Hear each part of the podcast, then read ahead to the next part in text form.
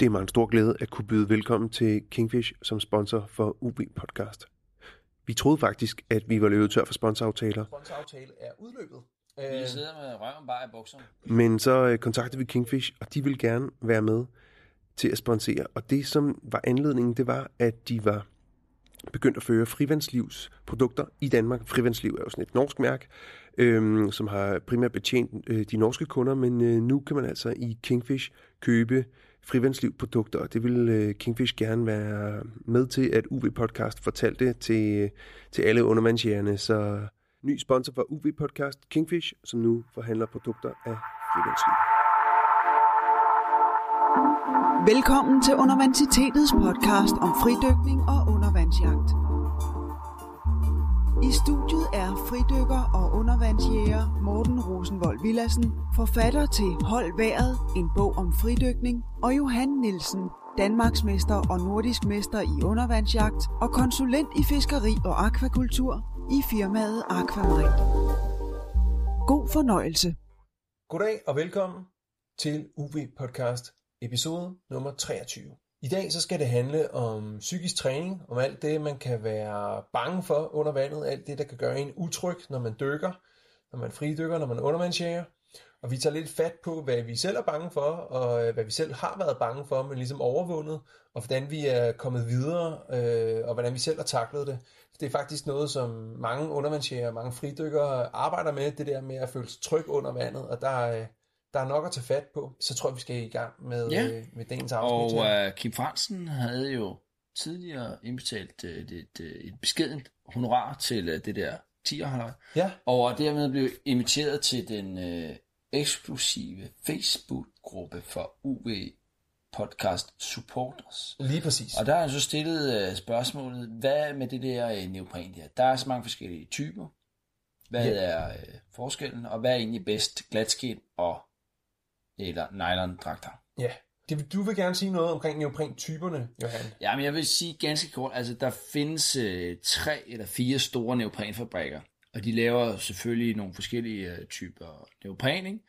Der er nogle japanske fabrikker, Heva og Yamamoto, og nogle kinesiske fabrikker, og, og der er jo et bemærkelsesværdigt antal, øh, meget større antal mærker, der laver dykkerdragter, end der er neoprenfabrikker. Så altså, der findes altså ikke nogen øh, dykkermærker, som har deres sådan noget helt øh, specielt neopren. Det er jo et eller andet sted øh, forskellige produkter for de her 3-4 fabrikker, der, der nu engang er. Ikke? Og der er jo selvfølgelig altid øh, nogle, øh, nogle kvalitetsforskelle, og det følger egentlig mere eller mindre prisen, synes jeg. Jeg synes primært, at vi skal koncentrere os om det her med, med glatskin og, øh, og nylon, og der er øh, den, den store fordel øh, ved en glatskinstrakt, det er jo, at den øh, er lidt mere smidig, men så også øh, primært, at den øh, er meget varmere, men øh, fordi man ikke får den her windchill, øh, fordi den er ikke er våd, når man kommer ud af vandet. Ja, lige præcis. Den er, den er varmere på land, efter man har været i vandet. Ja, og det gør faktisk en rigtig stor forskel, fordi man er jo tit op og ned i båden, øh, og øh, så ser det også øh, sejre ud, og øh, er generelt en bedre dragt, men så er den også mere sårbar. Og det er faktisk specielt, når man tager den af og tager den på. Ikke så meget, når man har den på og bruger den i vandet. Men øh, man kan lave nogle meget spektakulære øh, rips i sin øh, dragt ved øh, for eksempel at stikke hovedet gennem ryggen og hive ærmet af og, og sådan nogle ting. Og det kan man med en glatskinsdragt, hvis man har en dårlig teknik, eller ikke bruger øh, vand øh, med shampoo i, når man tager den af og på. Man skal også bruge den, når man tager den af. Smør det på ydersiden af dragten. Øh, og det oplever man altså ikke med en øh, undervandsjagtdragt med nylon på ydersiden. Så det korrekte valg for en nybegynder vil være øh, en dragt med nylon på ydersiden i 7 mm med åben cell på indersiden. Og når man har haft øh, to dragter, så synes jeg, man skal våge pelsen og så prøve en glatskensdragt. Det vil man blive glad for, og man vil ikke gå tilbage til nylon bagefter. Og jeg kan også sige, at øh, der er også en lille smule bedre glid gennem vandet, når du har mm. glatskin på, øh, i stedet for at du har nylon på. Så du får også en lille smule mere øh, bevægelse, øh, effektivitet for, pengene. Øh, og så kan vi lige komme med et tip, at øh, der findes i minimum to øh, producenter, som laver en særlig type af glatskinsdragter, som ligesom har en kerne af nylon inde i, øh, og de er særlig holdbare.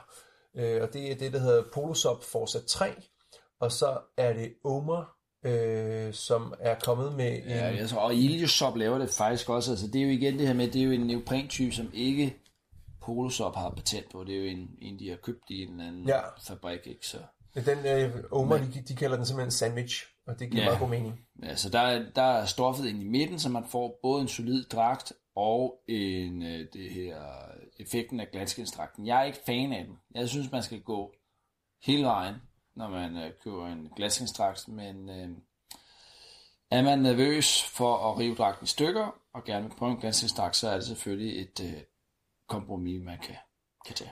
Ja, og du, man kan sige, du skifter jo øh, din dragt ud med en ny hvert eneste år, men jeg har altså oplevet, at en øh, Forza 3 Polosop øh, kan holde en 4-5 år. Så er den også godt slidt, vil jeg sige, i hvert fald med min brug, men, øh, men, øh, men hvis man... Øh, ja, så det, det er, øh, jeg tror, tror, vi har været øh, fint omkring det. Øhm, så øh, lad os komme videre til, til siden sidst, og du er jo nærmest lige kommet op af vandet, Johan. Ja, jamen jeg vil jo helst ikke tale om det, men nu spørger så har jeg jo lige været til, til DM. Ja, Det gik af helvede til. Det var øh, nede på Als. Et, øh, et sted jo, øh, hvor vi startede på, på Pølsrev, som jo ellers er et sted, som tidligere var et rigtig torske bonanza sted. Det kan jeg så sige, det er det ikke mere. hvor mange øh, mennesker var i vandet? 50, Ja, øh, 52 måske faktisk, tror jeg. Og øh, ja, i scouting lykkedes det mig faktisk at finde sten med en torsk under. Jeg kunne godt se, at det var ikke, det var ikke en måler, men øh, det var jo trods alt torsk. Venstre mølle over venstre busk, og så den anden vej fyret over, ligesom der i klinten, hvor det faldt ned, hvis der er nogen, der vil ned og kigge på den. Det er lidt til venstre for Pølsrev. Og øh, på 3 meter vand, 200 meter fra kysten. Første dyk, jeg lavede, bum, ned og kigge under en sten, der var den onde lyn med en. Så tænkte jeg, hold da kæft, det bliver helt vildt det her. Så så jeg ikke flere torsk. Og øh, så gik øh, starten, og jeg var ude og kigge under stenen, der var helt fuld af fedt, og jeg tænkte, ej satan, så sådan er der ikke. Og så svømmer jeg ud på revet. Pølsrev er der meget, meget stort, meget langt rev, 3 km ud. Og øh, der var en hel masse øh, ingenting, og så fangede jeg faktisk, der var faktisk en masse rødspætter, og fangede hurtigt en del rødspætter, så der var ikke så mange skrubber faktisk, den lykkedes mig kun at fange to skrubber, og øh, en pigvar, som jeg fangede med hænderne, mål til at, at være på målet, men havde glemt, hvad målet var. Smed den, så den svømmede, fang med hånden, og øh, det, det, var, det, det var det, der gjorde, at jeg kom med til udtalelsen faktisk, desværre den famøse pigvar. Og så på vej tilbage, så fangede jeg, så kiggede jeg under stenen igen, fangede også torsken, og den var lige to centimeter for lille. Så jeg jeg skal bare lige, bare for at gøre det klar, for lige i været godt rundt. Du havde faktisk en pigvej i hånden, som var stor nok, Ja, men du har bare glemt, hvad, hvad grænsen for stor nok ja, den var. var 32, ikke? og den skulle være 32. Jeg troede, den skulle være 35, så, så, så, så jeg, Så du sendte den bare ud igen. ja, men fanger jo ikke sådan små pigvar. Nej, nej. Men det var så åbenbart stort nok. Og så fangede du en torsk på 43 cm, som Ja, skulle skulle have være været 45. fortælle. Ja, Ja. og den var så for lille. Ja, den var fordi, ja, den kunne sgu ikke øh, blive de der 2 cm længere. Jeg prøvede ellers at hive i den, men øh, uden så meget succes. Og øh, der var så en, øh, en, en, øh, en undervandsjæger, som havde, ligesom, det var ham, der fandt torsken, så ligesom der Ja. vandt. Så der var blevet fanget en torsk Der på blev dagen. fanget en torsk. Han havde selvfølgelig fanget en lige foran konkurrenceområdet, og Ja, ja, på 3 meter vand. Det var en stor sov. 3 kilos torsk. Så øh, det er jo altid hyggeligt at være med til DM, og øh, det kan jo også være dejligt at, at deltage, selvom man ikke vinder. Og øh, det var egentlig et rigtig godt arrangement, og folk var glade, og det var også øh, altid spændende at, at dykke nye steder og sådan noget. Det håber, det bliver lang tid, inden øh, vi skal til Als igen, men, øh, men det er flot pølsrev faktisk. Ja, Mange rødspætter. Faktisk, det er jo sjovt, at der er flere rødspætter end skrubber nede ja, okay. Als. Ja.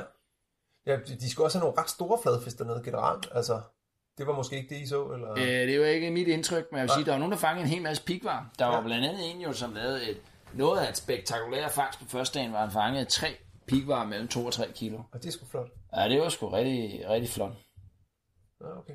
på det hemmelige pigvarsted ved Pølsrev. Ud fra pumpestationen, kan jeg så sige, at jeg fik øh, lige hørt ud af øret, så nu er det espoleret for ham, hvis der er nogen, der skal ned til Pølsrev. Jeg ved faktisk ikke, hvor pumpestationen er, men det kan man nok opsøge, hvis man er ivrig. så, fik vi, så fik vi den også ud i æderen. Ja, ja, ja. Udmærket. Så dykker de ikke i Køge Bugt i hvert fald. Nå, men... Og Øh, hvad har du oplevet, Morten? Jamen, jeg har haft nogle fridykkerkurser. Jeg har også haft et undervandsjagtkursus. Det gik ikke... Øh... Nej, det gik, det gik faktisk ret godt med det undervandsjagtkursus. Der var bare ikke så mange fisk, som vi havde håbet på. Øh, det var på Storbæltsbroen. Øh, men, Nå, det var sgu Ja, det var faktisk meget overraskende, men, øh, men der blev, altså, der blev fanget lidt, lidt fladfisk og så videre, men der var, der var desværre ikke nogen torsk den dag, mm. Ja, øh, okay. og der var øh, så meget strøm, at man ikke kunne komme længere uden pille 3. Ah, ja. Ja, og det forklarer måske en del af det. Ja, Uanset, det jeg vil fortælle om, det er det fridykkerkursus, jeg har holdt i Karlstrup Kalkgrav og i Furesøen. Ikke så meget øh, omkring selve kurset, men mere omkring sådan et issue, som, som øh, ligesom opstod. Øh, alle undervandsjæger, der vil lære at dykke dybt, og fridykker for den sags skyld, vil på et eller andet tidspunkt have problemer med trykudligning. Det er kun et spørgsmål om, hvornår det kommer. Mm. De fleste får problemer med trykudligningen, øh, så snart de passerer 10 meter og er på vej mod øh, 20 meter. Øh, og nogen får det så først langt senere. Øh, det gode ved at have dårlig trykudligning, det er, at jeg har endnu ikke oplevet, at det ikke kan trænes op. Alle, der træner på at blive bedre til at trykudligne, får bedre trykudligning. Det kan godt være, at det tager lang tid, eller det kan godt være, at man kæmper med det. Min kæreste, hun lå i, øh, på 8 meters dybde, og der var hun i et år, altså hun kunne dykke til 8 meters dybde i et år, og kunne ikke komme videre. Men da hun så brød 8 meters dybde og lærte at trykkeline ordentligt, så strøg hun til 40 meters dybde og blev øh, dansmester i fridykning for kvinder øh, samme år. Ja, det er flot. Øh, ja. Så hvad hedder det? Øh, så, så hvis man træner på det og er vedholdende, så, øh, så, skal man, så skal man nok lykkes at blive bedre. Men det kan godt være, at man er fanget på 8 meter i et Der skal år. man ud og have en længere bøjlin. Jeg tror ikke engang, jeg har en bøjlin, der er 40 meter. Nej, ah, du har da været så dybt. Bind, bind den sammen. Ja. Men i hvert fald så, øh, så øh, vil jeg sige, at når man så har problemer med trykudligningen, så er det altså ultra vigtigt, at man stopper op og ikke presser sine tromhænder. Der er det ved ens tromhænder, at de er mere sårbare end det smertesignal, de giver. Altså som regel, så kan vi sådan, som mennesker i vores dagligdag, hvis vi møder smerte på en eller anden måde, så har vi også en fornemmelse af, hvornår vores krop går i stykker af den smerte. Sådan mm. er det ikke med tromhænder. De, øh, de går i stykker før, at det nærmest gør ondt. Øh, Så gør det bare en lille bit smule ondt, så er man faktisk ret tæt på at springe sin trommehænde. Ja, okay. Øhm, og, øh, og det ser jeg gang på gang, øh, når jeg har øh, ambitiøse øh, fridykkere, eller fridykkere, som er stressede og ikke får mærket ordentligt efter i deres krop, at så øh, får, får, får de presset øh, sig lidt for meget og, og, og får ondt i ørerne. Heldigvis så øh, er det sjældent, at folk får en, en decideret trommehindespringning, øh, men, øh, men det sker. Og, øh, og det skete også for en fridykker i Furesøen. Øh, der. Resultatet af en trommehindspringning, hvis det skulle ske, så øh, kan man som regel mærke, at det giver en eller anden form for puff. Det gør som regel ikke ondt i situationen, men, øh, men, øh, men det giver en eller anden form for puff, og man kan måske også blive en lille smule dizzy, fordi det, er jo også, det kan godt øh, gå på balancen. Øh, så når man kommer op, så vil man typisk øh, have en lille smule blod i øregangen, så det kan man se uden, udefra, så det er sådan et ret sikkert tegn, hvis man kommer op, og så man beder en, sin marker om at kigge ind i øret. Hvis der er blod, så har du sandsynligvis en trommehinssprængning. Og hvis det så langsomt tager til med smerte i øret, så har du nok også en trommehinssprængning. Og måden man skal ligesom gøre, øh, når det sker, hvis det sker, øh, det er, at man tager til lægen og får kigget på det, og får renset noget størknet blod væk fra de steder, det ikke skal være, og man eventuelt kan få nogle dråber, eller man tager noget penicillin, fordi det, der står næst for, når man får en trommehinssprængning, det er, at man får mellemørsbetændelse. Fordi at der ligesom kommer øh, bakterier ind i stedet, hvor der ikke bør øh, være trafik. Øhm, så, øh, så det er lige en, en løftet pegefinger derude for fridykerinstruktøren. Mm. Pas på jeres trommehinder, lad være at presse den. Og øh, hvis det sker, at I alligevel får en skade på trommehinden, så øh, tag til lægen øh, og, og, og i øvrigt tag hue på, og tag altid en hue med, så I holder jeres ører tørre og varme efterfølgende, så undgår I øh, alle mulige andre øh, øreproblemer, inklusive mellemørsbetændelse, også med, med langt større sandsynlighed. Ja, Og så tak vi, for den løftede pegefinger, Morten. Så er vi jo nået til dagens tema, og Ja. det er psykisk træning. dagens tema er øh, psykisk træning, eller mental robusthed, eller hvad vi skal kalde det. Det der med at være bange under vandet, eller i vandet, og være tryg i vandet og under vandet. Øhm, jeg stødte på det her fænomen. Det var noget, vi to snakkede meget om for 10 år siden, 12 år siden, mm. øh, hvor vi begynder at undervandsjage sammen. Det der med, at vi ville gerne være bedre og sådan noget. Og så, øh, når man snakkede sammen og sagde sådan, at det var forfærdelige forhold, og skibene fløj mig om ørerne, og strøm og dårlig sigt og sådan noget, så sagde vi altid til hinanden, ja, men det var god psykisk træning. Øh, jeg ved ikke, kan du huske det? Ja, det er altid... Ja, ja, det, ja. Fordi at, øh, at det var faktisk et stort problem for os i den periode med, at vi ikke turde øh, dykke op til vores fulde potentiale. Altså vi blev stresset af dårlig sigt, vi blev stresset af koldt vand, eller mørke, eller larm, eller hvad det nu kunne være. Så havde vi svært ved at slappe af, og derfor, øh, så, så, øh, når vi så oplevede det, så prøvede vi at angribe det øh, ved at sige, at det her det er god psykisk træning. Mm. Og det er ligesom den, jeg har tænkt, at vi skal tage fat i her, fordi der er jo forskellige ting, man kan blive bange for øh, under vandet. Jamen jeg vil sige, altså jeg kan huske, da jeg startede på øh, de første øh, natdyk, så øh, det var jo øh, til alle de nye folk i branchen, som er vant til de diverse LED-lygter, så var det jo inden LED-teknologien øh, var opfundet, så det var med en stor øh, blybatteripakke på ryggen, og ja. så en halogen spot, som Henrik Birkemose havde bygget. Det kostede en formue, kostede lige så meget som øh, en Wiselet koster nu, det var bare 20 år siden. Og øh, det var meget spændende, der var ørder, men, men det var også ret skræmmende. Og specielt, jeg kan huske, jeg synes, det var fint at natdykke ind på lavvand, men hvis man kom ud på, på en dybde, hvor ikke man kunne se bunden, hvilket jo på et natdyk ikke er andet end 3-4 meter, så synes jeg, det var, det var ret øh, skræmmende, fordi så begyndte jeg at forestille mig alverdens søuhy, og selvom jeg ellers har dykket meget i Isefjorden, og var godt udmærket klar over, at der er desværre meget få eksotiske dyr i Isefjorden, så... Øh, så synes jeg simpelthen det her med et natdyk, hvor man ligesom svømmer i helt sort vand omkring en, og ikke kan se uh, ligesom strukturer omkring en, det var, det var virkelig ubehageligt altså. Men med tiden, så, øh, ja, så vender man sig til det. Ja, og det, man kan sige, det er jo en fællesnævner for, for øh, de, de mange ting, vi, øh, vi, vi kommer til at, at snakke om her, som man kan være bange for under vandet, at, at, at hvis man udsætter sig selv for det, mm. så, øh, og især hvis man udsætter sig selv for det på en måde, hvor man ikke bliver traumatisk øh, pan, panikangst, så øh, men går stille og roligt frem, så, øh, så vender man sig til det. Øhm, hvad, har, hvad har du oplevet, Morten? Som, øhm, øh... Jeg tror, at de, de første, det første, jeg oplevede, jeg snorklede jo øh, ved min forældres sommerhus, øh, og øh, noget af det første, jeg oplevede, det var, at øh, jeg kunne se på luftfoto, at der var et lille rev, og så kom der noget sand, og så kom der et rev til. Jeg synes faktisk, det der sand var ret uhyggeligt. Altså, fordi jeg kunne ikke se noget. Altså, sådan, sigten var sådan, jeg kunne bare se noget lyst. Øh, og det begyndte at være sådan en lille smule dybt, sådan 3 meter, 4 meter eller sådan noget. Øh, og jeg skulle svømme hen over de der 50-70 meter sand, før jeg nåede ud til det næste rev på 4 meters dybde, hvor der var sten igen. Og jeg turde faktisk ikke krydse den distance med 50 meter ud. Det har været i starten af din karriere. Ja, det var helt i starten. Så fordi jeg synes, det var så skræmmende det med at svømme ud i ingenting. Og selvom jeg vidste på luftfotoet, at der kom et rev derude, så, øh, så synes jeg, at jeg svømmede ud i ingenting. Og der var langt, øh, langt hjem, og det var bare sand og tomt omkring mig. Det var lidt sådan den samme tomhedsfornemmelse. Så, øh, så, var, så er der jo tang, som ligesom er øh, en... en alle, ja, det er der mange, der også... Alle nybegyndere store ja. skræk. Øh, at få tang på masken. Lige pludselig, hvis man ligger der og prøver at finde roen, og så lige pludselig er hele masken øh, og hele synet udfyldt af en stor tangplante, der ligesom er svømmet forbi. Det kan man også virkelig blive forskrækket over. Øhm, der er også nogen, der kan blive søsyge af at kigge på tang, der bevæger sig. Ja, det er rigtigt. Ja. Det har jeg aldrig helt forstået selv, men øh, det er også et, et tilbagevendende til, det er jo ikke så meget med frygt at gøre, men, men øh, jo også en psykisk ubehagelighed, som øh, ja. kommer af sådan, at det bølgende bevægelse, der, der sker i de her tankplanter, der var mange gange faktisk oplevet, at folk de blev rigtig søsyge af. Ja, ja. Selvom selve vandet ikke bevægede sig nødvendigvis så meget. Øh, men ja, så, så, øh, så, så sand og dybder og tang og sådan noget, det var noget, der skræmte meget i starten.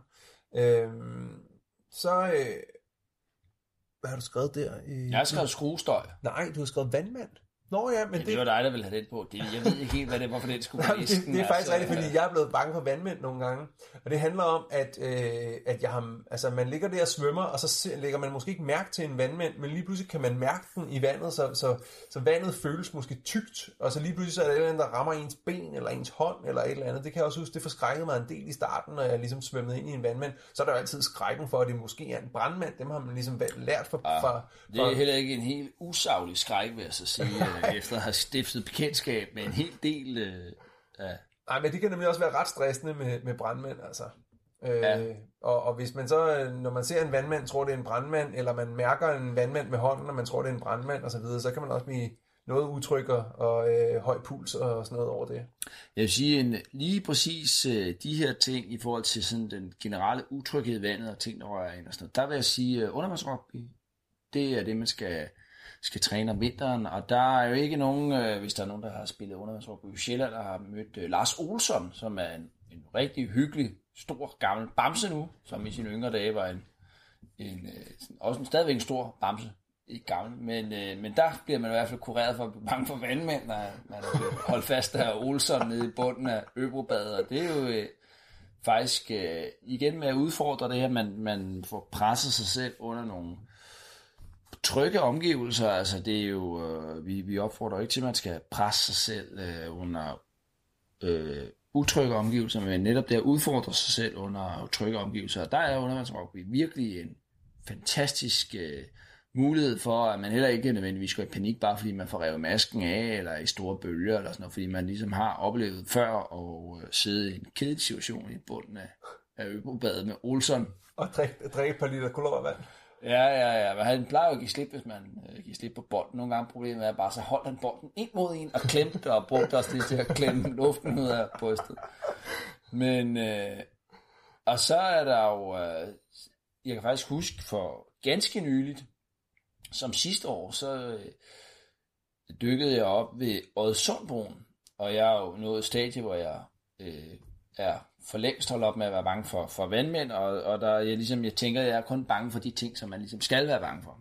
Og jeg lå og dykke på Odsundbroen, jeg havde tænkt, at ude i midten, hvor der er 25 eller et eller andet, så må der være en forfærdelig masse hummer, som er på stenfundamentet rundt om der, fordi der kommer der nok aldrig nogen ud og dykker. Og, øh, og det gør jeg så faktisk heller ikke, fordi øh, da jeg startede med at dykke ned langs øh, pillen, så øh, blev vandet helt uld og sort, fordi der var dårligt sigt. Og så tænkte jeg, det er fint. Det er bare øh, sort vand. Vi fortsætter.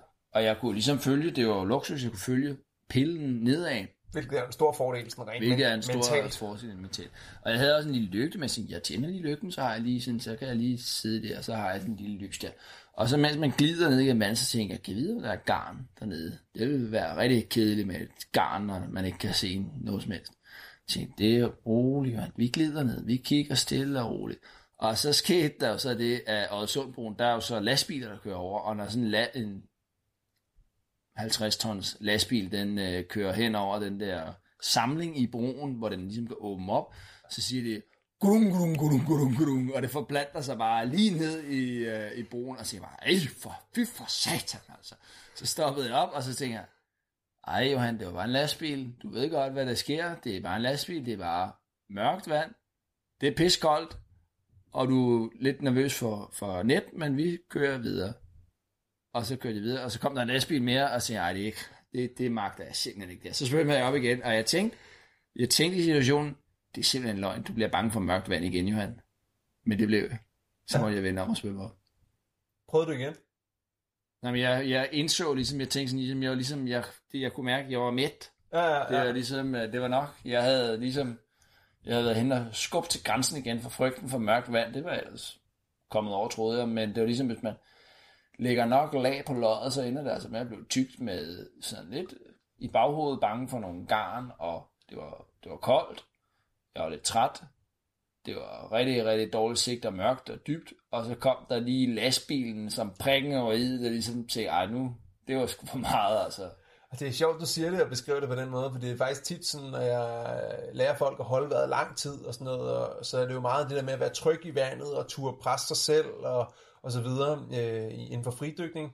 Og der plejer jeg altid at sige netop, at man skal finde roen, mens man trækker vejret, og mens der er ingen stressfaktorer, og så skal man ligesom arbejde med at kunne, kunne være rolig, selv når man har så holder vejret, selv når man er i vand, selv når man er i koldt vand, mørkt vand, selv når der er strøm, brandmænd, når det er med hovedet nedad, og det er på 20 øh, meters dybde, og det larmer og så videre. Altså, vi kan blive ved med at lægge stressfaktorer på. På mm. et eller andet tidspunkt, så, øh, så er bæret fuldt. Men hvis man så går et par skridt tilbage, så kan man ligesom arbejde med det på et fornuftigt niveau, og så langsomt gå fremad, så man bliver mere og mere og mere tryg. Øh, det er meget fedt, du beskriver det der, hvor Sundbroen øh, på den måde.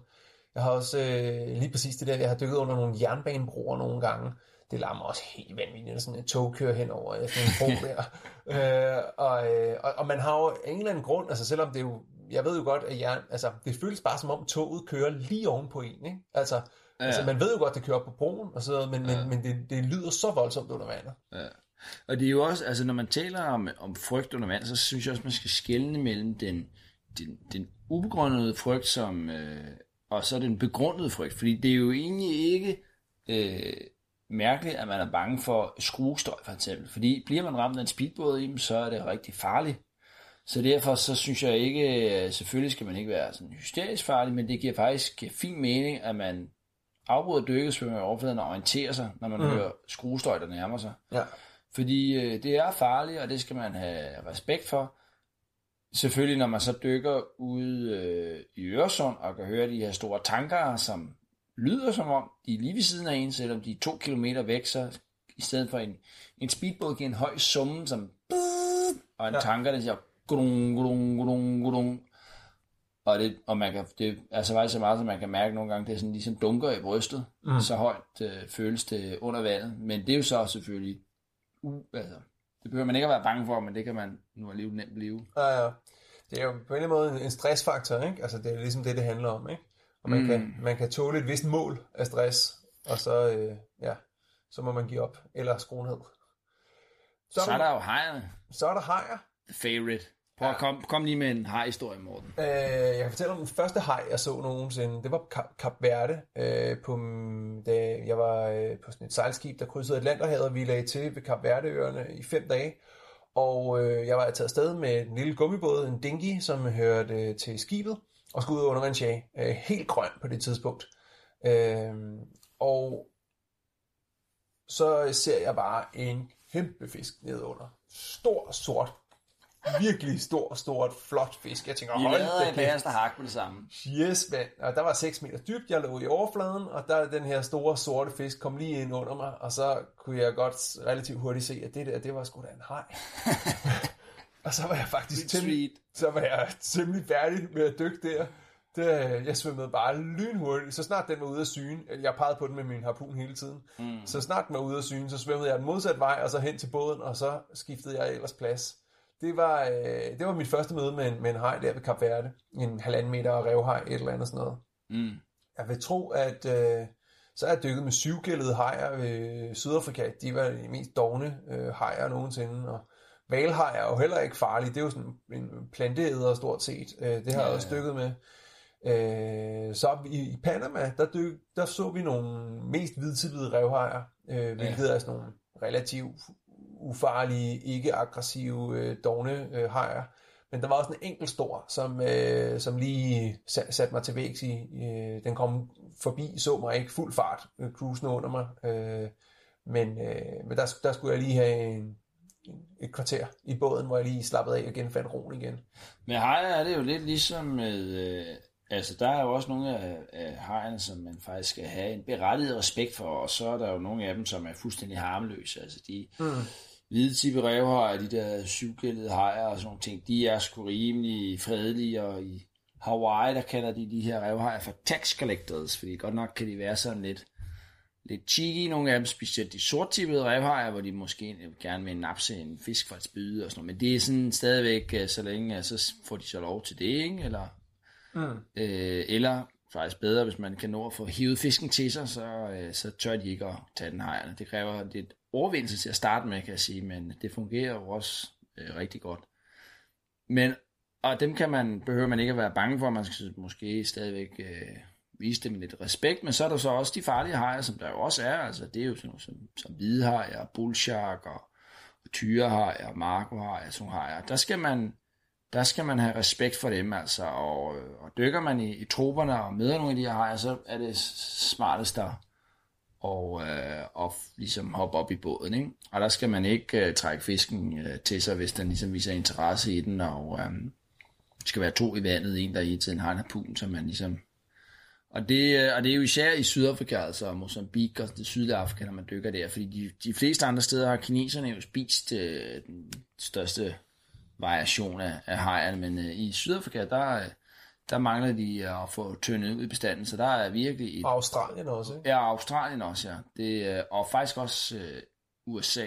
Ja. Der er jo der er jo sket det, at øh, hvidhajbestanden er faktisk øh, steget rigtig, rigtig meget, fordi at man har, har fredet den, og nu er bestanden kommet, kommet rigtig højt op. Så i de her lande her er det faktisk blevet et, et for undervandsjæger så stort problem, at der nogle steder, man ikke øh, undervandsjæger mere i Sydafrika, for eksempel Seal Island og sådan noget, med de her hajer, der, hvis der er nogen, der har set Discovery med hajer, der springer ud af vandet og hapser babysæler, det er så Seal Island. Det var tidligere et sted, hvor man kunne undervandsjæge, og det er så et sted nu, hvor man ikke undervandsjæger. Ja.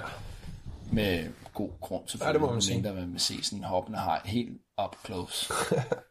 så jeg mindes jo en, øh, en rigtig god tur, jeg havde med Jacob Valør til, øh, til Mozambique, hvor øh, vi var med nogle meget gavede undervandsjæger til, til Mozambique, og det var faktisk en podcast hver i sig selv beskrivelse af den tur til Mini Bangalala, som... Nå, men vi har, vi har snakket om den. Ja, ja, ja, ja, hvor vi var ude og dykke på et, et spot, jeg havde fået af Rob Allen øh, selv, ja, ja. Som, øh, som han havde, i hans GPS havde, havde navngivet Wahoo. Så jeg tænkte, det var sørme et godt spot, der må vi ud og kigge. Og det er sådan en, en, en klippeknold, der kommer op. Og der var der så nogle forskellige pelagiske fisk, og så var der ligesom 20 eller 30 sådan ret, øh, ret pæne øh, gråhajer, som, øh, som, og, som, og det er sådan ligesom en blanding af af de der ufarlige hajer, og så de farlige hajer. Det er sådan en haj, man skal have noget respekt for, men den er ikke sådan decideret ja. farlig haj, farlig, farlig. Men den er stadig en rigtig stor haj, altså. Og ja. så den vil rigtig gerne have en fisk, når man har skudt den. Så vi lå, øh, og de her lokale undervisere, de er jo helt fuldstændig respektløse for dem, så de kastede op til højre og venstre med sardiner og sådan noget, for at hive øh, fiskene lidt opad. Og øh, så efterhånden, som vi får skudt nogle, øh, nogle fisk, øh, så bliver de jo mere og mere excited, de her hajer her. Og det ender jo så med, at jeg øh, får skudt mig en rigtig flot der longfin amberjack. Og så, så jeg er jo primært øh, selvfølgelig bekymret for kvaliteten i sashimi, så jeg skynder mig straks af ren rutine at hive gælderne ud på den. Ja. Og så er der rigtig meget blod i sådan en amberjack, så der kommer sådan en kæmpe stor blodpøl i øh, sådan ligesom kugle af blod i vandet. Rundt om dig. Øh, ja, men jeg svømmer jo så væk fra det, ikke? Men, ja, ja. Og så, så sidder vi så, og der er jo helt spritklart vand, 20 ja. meter sigt og sådan Så sidder vi og kigger på den der, det ser sådan nærmest grønt ud under vandet, det der blod. Og så kan man så se, at alle hejerne, de, de cruiser, og så cruiser de igennem den der blodpøl, og så når de kommer igennem blodpølen, så går finderne fra at være sådan ud til siden, så samler de lige finderne ned under kroppen, og krummer ryggen lidt, og så sætter de lige tempoet op til at blive sådan nogle hysteriske kællinger, der bare pisser frem og tilbage, og være sådan stille og rolige uh, øh, svævefly, der uh, kommer, og så bliver det til, til sådan meget hissige, hysteriske kællinger. Og, uh, og det blev faktisk sådan rimelig ubehageligt til sidst, fordi uh, så begyndte de sådan at, at cirkle om os, og mig og Jakob, vi, uh, vi lå som de sidste af vandet og, og fægtede til højre og venstre for at ligesom, at, når de sådan kommer tæt på sådan her, så skal man ligesom give dem en ordentlig jab med harpunen, så man ligesom viser... Så I skubbede dem væk med harpunspidserne? Ja, helt så for ligesom at vise, hvem der er the boss, ikke? og ja, ligesom sætte dem på plads der, så de ligesom kan mærke, at man er spids i enden, og ikke er værd at slås med. Hvor store er de? Ja, de er jo tre meter eller sådan noget. Ja, okay. Men altså, så er jeg tyk som en sådan blå tønde, ikke? Ja, ja, ja. Puha. Så, men så har vi op i båden, og meget hurtigt til sidst der. Det var, men lidt svært faktisk at pege med harpunen, samtidig med, at man øh, har hoppet op i båden. Så. Ja, det tror jeg gerne. Så, men jeg skyndte mig at hoppe op. Så Jakob var den sidste. Så jeg har med at komme op. Men du havde også, øh, du øh, havde også nogen, kan jeg huske, en, en god historie fra Fiji, hvor at du øh, var ude med en, øh, med en anden under, en lokal undervandsjæger, hvor, øh, hvor du fangede, hvordan var det? Han, nej, han fangede fisk, og du holdt hejerne væk. Eller? Nej, det var mig, der dykkede, og så, så holdt han fisken, ikke? Og, så, ja. og det var det her, den her, det var ham, der lærte mig den her teknik med, at man, med de her revhajer her, så skal man bare, når man er og det er jo det, at hegn, inden den ligesom får fat i fisken, så er den meget afslappet, og, og så skal man, når man så skyder fisken, så skal man så hurtigt trække den til sig, fordi så tør hegn ikke at tage den. Håber man. Øh, nej, men det tør de ikke, altså ikke revhejene. Ikke, nej. ikke mindre de bliver ophidset, der skal man ligesom kigge på deres adfærd, hvordan ja. de holder brystfinderne, og hvordan de svømmer. Så skal man hurtigt hive den til sig, og så op til overfladen, og eventuelt holde den ud af vandet. Ja. Og så skal den så op i båden mm. hurtigt. Vi havde så ikke en båd med, så kunne han så holde dem. Så, øh, God strategi. Det, ja, ja, ja, og de, de er jo overhovedet ikke uh, bange for hegn. Ikke Nej. i hvert fald revhejene, vel? Og der okay. skete jo heller ikke noget, men det er jo... For hver fisk, man ligesom skyder, så bliver de jo mere og mere ivrige lige at heje her. Så ja, ja. på et tidspunkt, så, så er det ligesom, man skal sige, nu er det ved at være nok, ikke? Ja, ja, ja, klart. Så, men... Øh, okay. Spændende. Men, øh, men faktisk, øh, og det skal jeg lige fortælle nu, fordi at vi har fået fat i øh, et, et lille ekstra uudgivet radioprogram fra øh, det tv-program, der hedder Kurs mod fjerne kyster.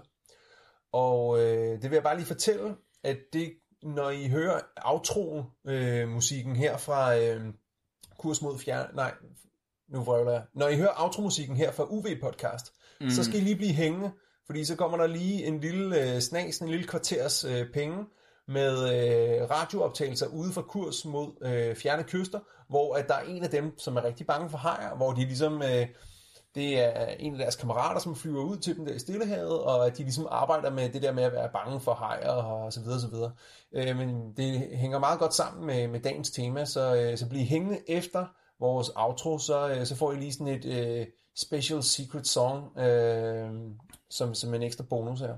Ja, så øh, er det de sidste to ting, man kan være bange for. Det er huler, og det er strøm. Ja. Skal vi starte med hulerne?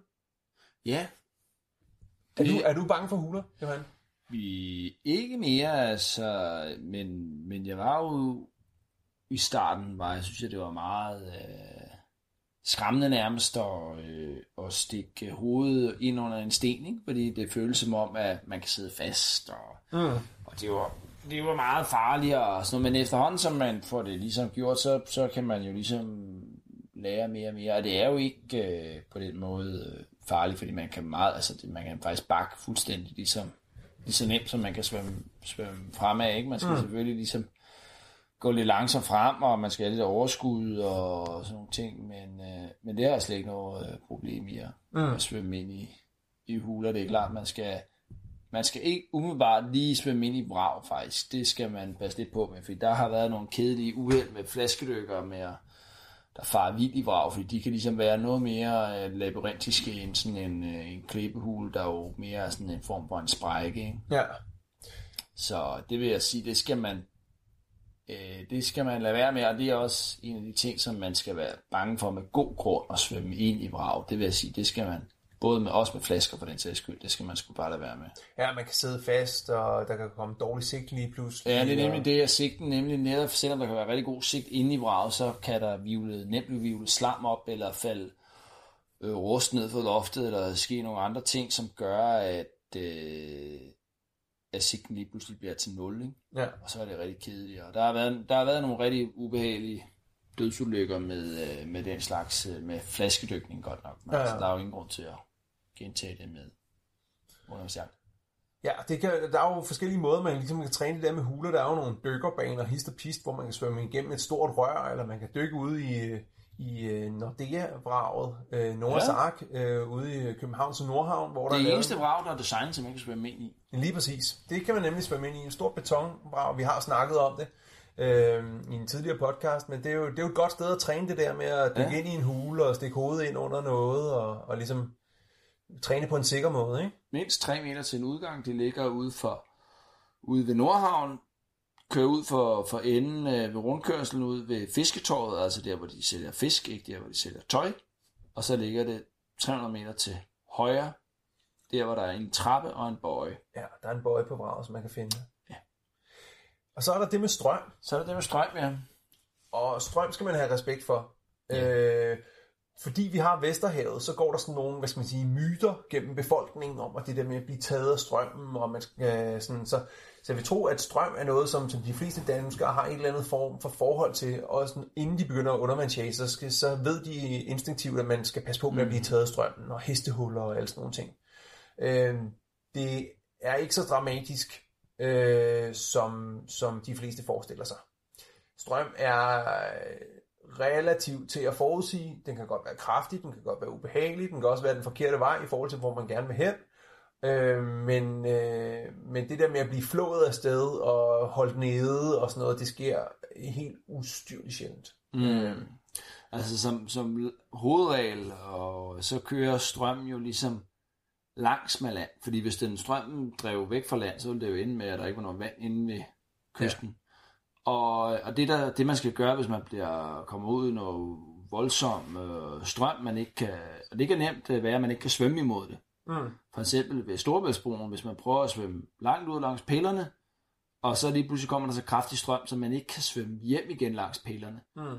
Og øh, så skal man bare svømme på tværs af strømmen, altså en 90 graders vinkel, sådan så man hele tiden svømmer mod land, men man svømmer i virkeligheden ikke mod strømmen, og mm. strømmen den fører sig en af helvede til ned ad kysten, men øh, før eller siden, så kommer man ind til kysten, ja. og så er der ikke andet for en, øh, så må man bare gå hjem. Ja. Og det er selvfølgelig lidt øh, surt og øh, så videre, men det er jo ikke på den måde farligt, at man kommer til at gå to kilometer tilbage. Nej, og det er ligesom det, som, øh, altså man skal, man skal simpelthen stole på, at man kan svømme på tværs af strømmen øh, og ikke øh, blive skræmt over at blive ført afsted med strømmen. Ikke? Altså det er ligesom den tillid, man skal have til øh, mm. elementernes rasen, at, øh, at øh, man kan ikke styre det 100%, men du kan godt undslippe det, hvis du bare opfører dig fornuftigt. Det værste, mm. man kan gøre, det er at svømme direkte mod strømmen, fordi ja. det du får mindst effekt ud af, at du bruger allerflest kræfter.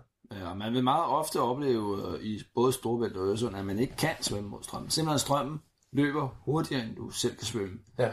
Så øh, man, med, med strøm, der, hvis man kommer ud i en ubehagelig oplevelse med strøm, så det første, man skal gøre, det er, at man skal analysere situationen. Altså, lad være med at kæmpe, bare lad sig køre med, og så lige overveje, hvad der sker. Hvad er det, jeg skal gøre? Øh, og så øh, svømme på tværs af strømmen. Mm. Og øh, jeg vil sige, at Storbæltsbroen er et godt sted at træne den der, hvad hedder det, kendskab til strøm. Altså man kan svømme ud til pille 3, et eller andet sted mellem pille 2 og pille 3 fra Sjællandssiden, der øh, starter øh, strømmen med at være enten nordgående eller sydgående. Typisk er den nordgående. Øhm, og der kan man ligesom få lidt øh, førstehåndskendskab med strømmen, og så kan man svømme i læ, øh, strømlæ af pille 3, og så kan man hænge mm. ud der, og så kan man svømme tilbage igen øh, til pille 2, og på et eller andet tidspunkt mellem pille 2 og 3, der er vel 100-150 meter, et eller andet sted derimellem, der øh, aftager strømmen, og så kan man svømme ind til land igen. Og så kan man ligesom sådan få en fornemmelse af, hvordan det er. Øh, så det, øh, hvis vi snakker om det der med, at man skal nærme sig det, man er bange for, eller det, man gerne vil prøve kræfter med, langsomt, så øh, vil jeg anbefale Storbæltsbro som et, som et godt sted. Ja, og et godt sted også jo, til, både ikke kun til træning, men også øh, til at fange en masse fisk. Altså. Ja, ja. Det er jo fantastisk. Pille 345 altid masser af torsk. De sidste tre piller, og ankerblokken altid masser af multer. Mm. Og en, øh, en rigtig herretur, men måske ikke den første tur, man tager, men når man ligesom tænker, at man er klar til en herretur, det er jo at svømme hele vejen ud til ankerblokken og hjem igen. Ja. Tager i hvert fald fem timer mm. med, med undervandsjagt derude. Ikke? Jo, jo, men, men det kan man godt. Altså, en det der... sommerdag. Lige præcis. Det, til undervandsjagtkonkurrencer, som er foregået i det område, så er, der, så er det normalt, at folk, øh, de mest mm. eventyrlige, eller hvad skal jeg sige, eventyrløsende folk, at de øh, svømmer ud til ankerblokken og undervandsjæger både på vejen frem og tilbage. Der kan man både fange multer og torsk og en god blandet fangst og alt muligt. God, faktisk en god udfordring til sommeren her øh, for, for lytterne. Ja. Tur til ankerblokken, så kan I få til at anker, når I kommer hjem. ja, men øh, tjek lige strømmen på øh, strømudsigten, inden I, øh, I tager afsted, så det er ikke en af de dage med med, med mere end øh, halvanden knop strøm. Det skal helst holde sig under. Ja. Og inden vi går til dagens tip, så skal jeg lige sige tak til vores sponsor, nemlig Kingfish, som denne gang har, øh, er sponsor, men faktisk også er sponsor for de næste øh, 3, 4, 5 afsnit øh, resten af 2017 øh, UV-podcast, og øh, det er rigtig fedt, at vi har en fast aftale med en sponsor, som er relevant for podcasten, og som bliver ved med at hænge på. Så stor, stor tak til Kingfish for øh, troen på UV-podcast og opbakningen hertil. Nu går vi videre. Nu skal vi til dagens tip. Ja, og det er jo dig, Morten. Du har været ude i Furesøen og Ja. fået et, et, ny, øh, et nyt fif til krabsene. Ja, og det er, jeg vil, jeg vil ikke tage æren for det her tip. Øh, Jeg vil godt fortælle, hvor jeg har fået det fra, øh, fordi at, øh, det er virkelig et godt tip. I Furesøen, så findes der jo krebs, og der findes den invasive krabs, der hedder Galicisk sumkrabs, og også kaldet tyrkerkrebs. Den bliver lidt større end den hjemmehørende flodkrebs, og den smager lige så godt. Øh, der er en del af dem, der har været endnu flere, men der er stadig en del af dem i Furesøen. Øh, dem kan man bare samle med hænderne. Når man så kommer dem op, så har jeg tidligere sagt, at man skulle have dem gående i vand i 24 timer, så de kunne skide færdige, og der ikke var noget tarm og så videre, så videre. Men nu fandt jeg ud af, at øh, Thomas, han, øh, som jeg havde med derude, Thomas fra elemento.dk, han, øh, og det er, det, han kan heller ikke tage æren for det, for det er noget, han har set på Discovery eller noget tilsvarende. Så han, øh, han tog en kniv og, øh, og slog krabsen ihjel til at starte med op i hovedet. Øh, og så vrikkede han ligesom øh, endes et lille sådan, midterstykket af, af halen af, og så langsomt lirkede han hele tarmen ud. Så var den ligesom væk. Øh, Så det, må lige på, altså det er det, som fiskerne kalder at røve jomfruhummeren. Så det, Ah. du tager den... Prøv lige at forklare det Ja, igen, altså, hvad man gør. altså, øh, det er nede ved haleviften. Lige præcis. Der er nogle blade. Lige præcis. Der er det de to midterste blade, hvor man ligesom sådan løsner dem fra, man knækker dem af, så at sige. Så er sådan en lille knæk i begge sider. Og når man har det, så kan man ligesom lave sådan et langsomt sejt øh, træk, hvor man ligesom ryster lidt på hånden samtidig. Og så, Og så får- hiver man dem af. og så hiver man simpelthen hele, og hele halefinden, og så kommer tarmen med ud. Så er den ligesom fri for tarmen. Så kan man tage sådan en snobrødspind og snitte den lidt tyndere, og så stikke den op i det hul, man ligesom har øh, skabt, hvor tarmen var engang. Op i røven. Op i røven. Og så en spidspind. Med en spidspind, og så hen over, hen over bålet. Og, øh, og så vi havde et bål derude, og så kan man ligesom, sådan, øh, ligesom øh, tilberede den over bål i egen skal, så at sige. Det er sgu da fantastisk. Ja, så havde vi sådan en, et par, par, par krabs der, øh, som vi havde stående på, så kunne man sætte en ny på, når man ligesom øh, var færdig, og, så, så, og de smagte vildt godt, og der var ikke nogen af det der irriterende tarmsmag, og øh, krabsene i Furesøen smager jo ikke rigtig af mudder, øh, de smager godt, og, øh, ja, det var, øh, og det var skidesmart og en god måde, øh, god bålsnack, øh, og det bliver stadig flot rød, og så videre, og så videre, så det kan jeg bestemt anbefale, øh, som en øh, variation øh, over det der med, hvordan man spiser krabs. Fantastisk tip, Morten. Yep. Og, og så... hvad kommer der nu? Jamen, øh, nu kommer der sådan en outro, som er den no- normale UV-podcast outro, og så bagefter skal I lige blive hængende, fordi så kommer hele den der udsendelse fra Kurs mod Fjerne Kyster, som var cirka et kvarter, hvor de fortæller om, øh, hvordan de oplever det der med hajer og stillehavet, og vende sig til alt det der, man kan være bange for derude. Yes, tak for nu. Vi glæder os til gæsteforelæsning. Ja, og øh, vi stiller om her efter outro til. Tak fordi du lyttede til Universitetets podcast. Husk, at du altid kan læse mere om udsendelsen og se fotos på uvpodcast.dk. Her kan du også høre de andre podcasts og læse artikler om fridykning, snorkling og undervandsjagt.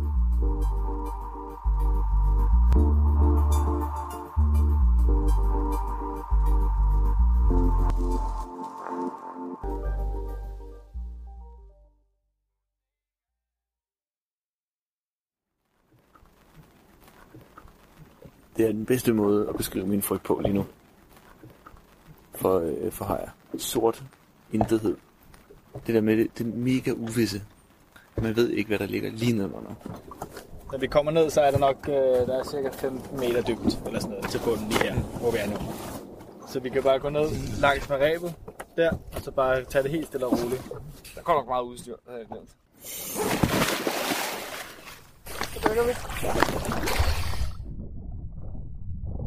Det her handler om hajer. Især frygten for dem.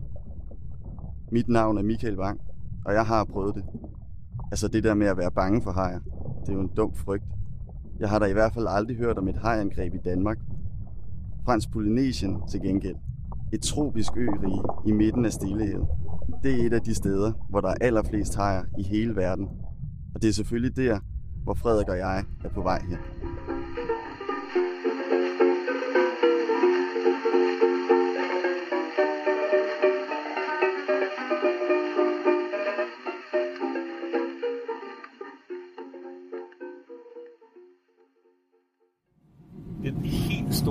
Store udfordring for mig, det var, da jeg fik en, en mail fra Emil.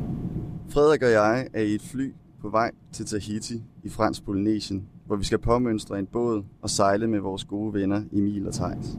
For en lille måneds tid siden, hvor han skrev, at der var, øh, der var den største forsamling af hajer på hele jorden i det område, som vi skulle ud og, øh, og dykke i. Og jeg har en, en skræk for, at jeg var helt lille, som er fuldstændig ubegrundet over for hajer. Og det at skulle dykke med en haj, det bliver så grænseoverskridende for mig, så det bliver helt turen værd. Hej. Øh, op, ned. Hammerhaj. Hvad, hvad står I og laver? Jeg, jeg står lige og, og øver nogle øh, væsentlige tegn til øh, vores stykker, tur lige om lidt. Vi skal lige have styr på det hele. Er hej er en ting, og der er der, det er skidt, skidt, skidt, skidt. Ja, det, er, det der, det er, det er, at du ikke har noget luft. Du, kan- det, så det, Hvad hvis det må du ikke. Der, hvad, hvad hvis jeg øh, Hvis du, skal, hvis du skal sige noget farligt, det er sådan her, en knyttet hånd. Det er farligt. Det er farligt. Farligt, farligt. Eller ikke røre. Øh, Okay. hold afstand, ikke? okay. Er du, øh, er du nervøs, Frederik? Jeg glæder mig. Glæder mig nervøs. På den måde. Jeg er ikke... Øh... Jeg glæder mig kun. Hvor lang tid siden er det, øh, er det siden sidst, du dykkede? Siden, siden øh... altså siden, sidste gang jeg dykkede i et hav, som er rigtig dyk. Det er øh, fem år siden.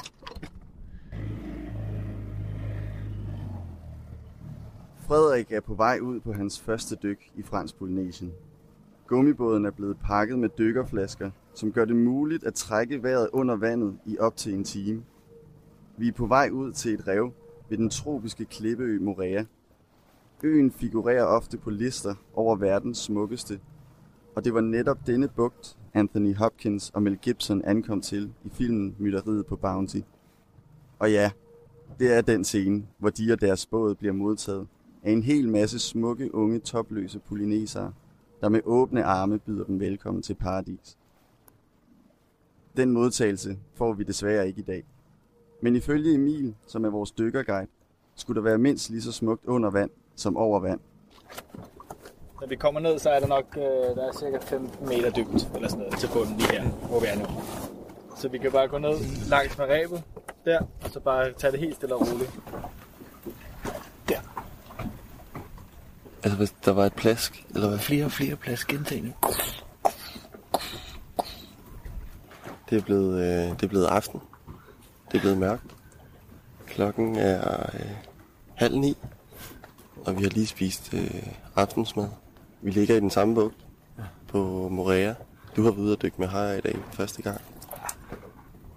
Vi har lige spist burger og set øh, BBC natur øh, dokumentar om, øh, om Stillehavet. Der var også hajer i den. Det var øh, en rigtig klam måde at vise hej på. Lad du mærke til, hvad det var for en haj?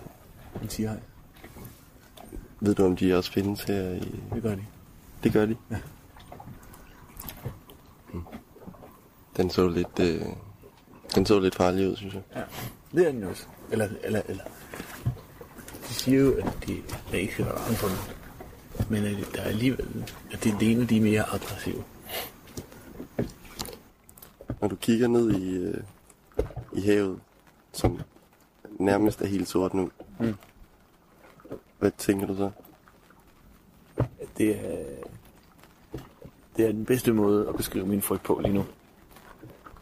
For, øh, for hajer. Det er øh, sort intethed. Det der med det, det er mega uvisse. Man ved ikke, hvad der ligger lige nedenunder. Fordi at selvom øh, regnen er afsløret en helt rolig overflade, så kan der en halv meter under svømme øh, et eller andet uhyggeligt. En rundt. tigerhaj. For eksempel en tigerhaj.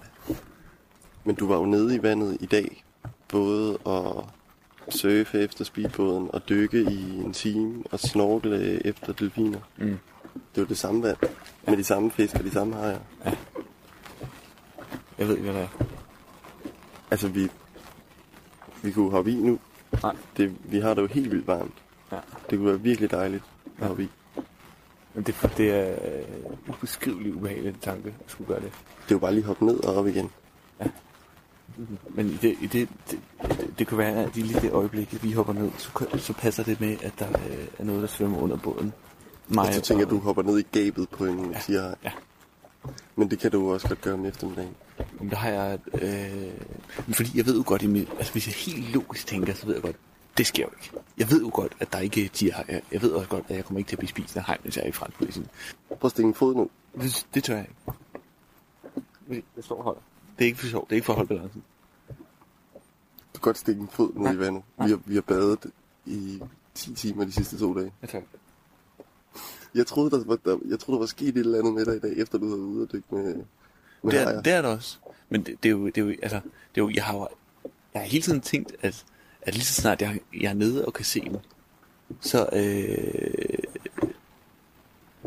så begrænser det ligesom min, min frygt på en eller anden måde. Fordi så ved jeg, hvad jeg har med at gøre.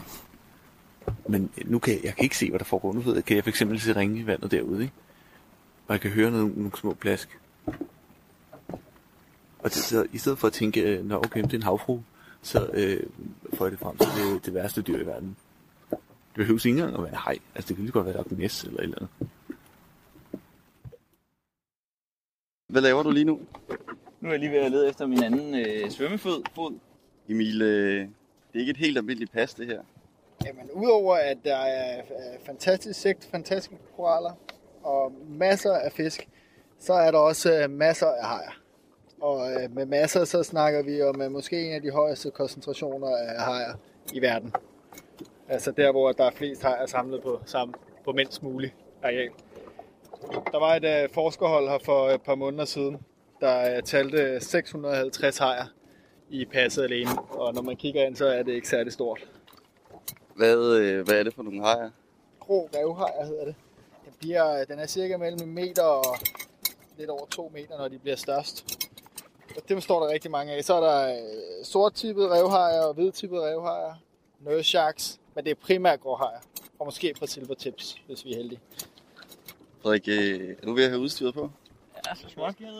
Vi har, vi har set et par hajer her den sidste, de sidste to måneder. Men mest nogle, nogle små, søde nogle, og ikke så mange. Hvordan har du det med at skulle, øh, skulle dykke nu sammen med 650 hajer? Men jeg ved det ikke helt. Jeg, det er lidt svært at forestille sig. Jeg har det ligesom om, jeg står i kø til det gyldne tårn eller et eller andet. Der er ikke rigtig nogen vej tilbage, og det Glæder du dig? glæder mig sindssygt meget. Er der nogen bag mig? Ja, der er frit.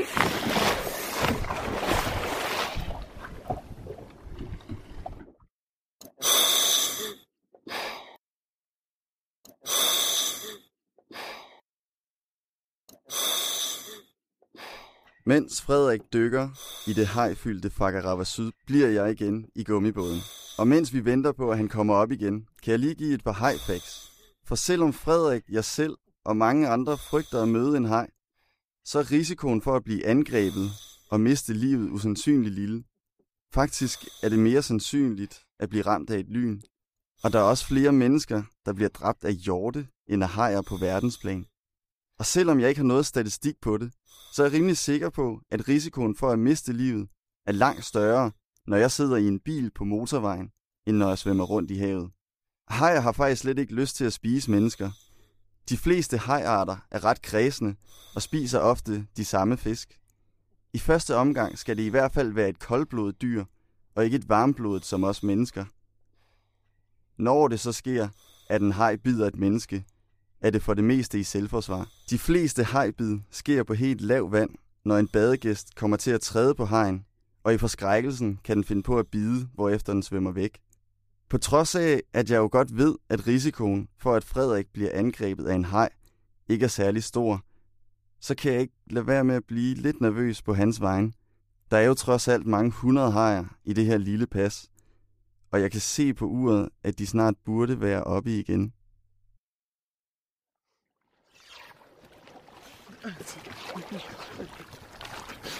Okay, hvor er det fedt! Fuck, hvor var det vildt, mand. Var du, øh, var du bange for dem, eller var de bare... De var bare, de var der bare. Det var bare flot. Det var bare flot. Så du er ikke bange for hajer? Nej.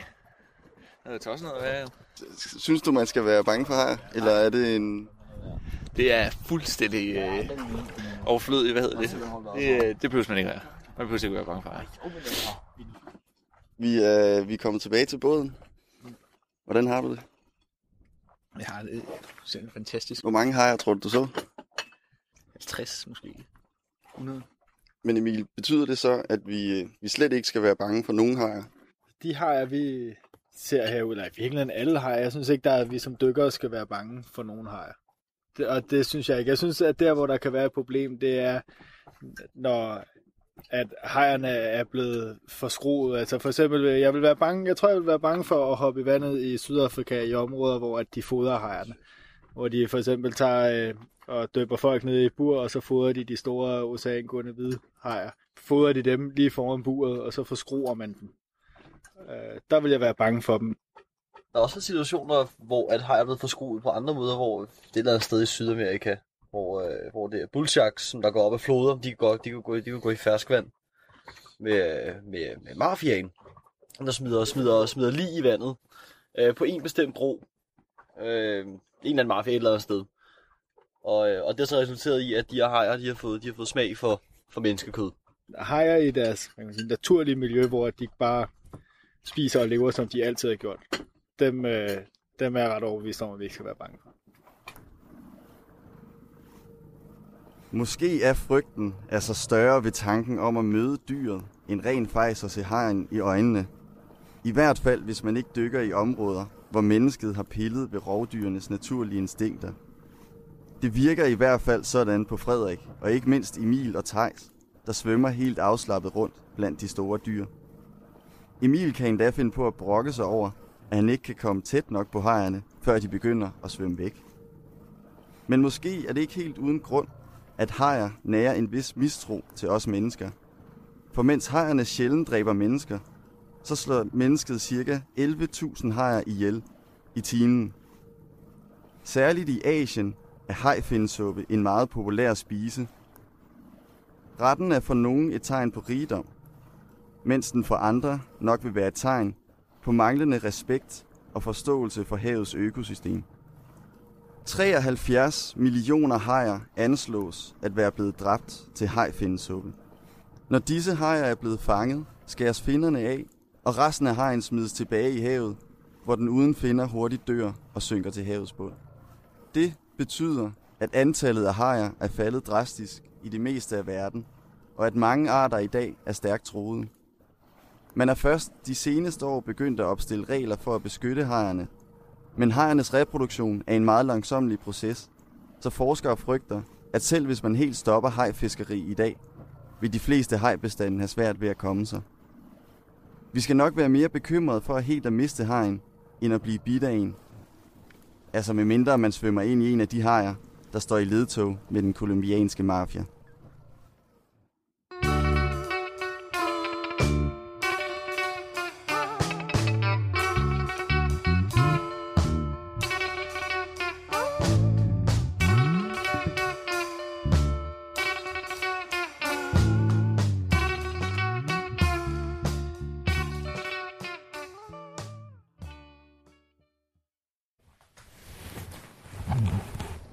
Ikke være for lang, den her. Hvis der kommer det der afsnit på 20 minutter med, med B her. Ja, det er rigtigt. Det er rigtigt. Så, så vi skal ikke dvæ- dvæle for meget ved den neopren der.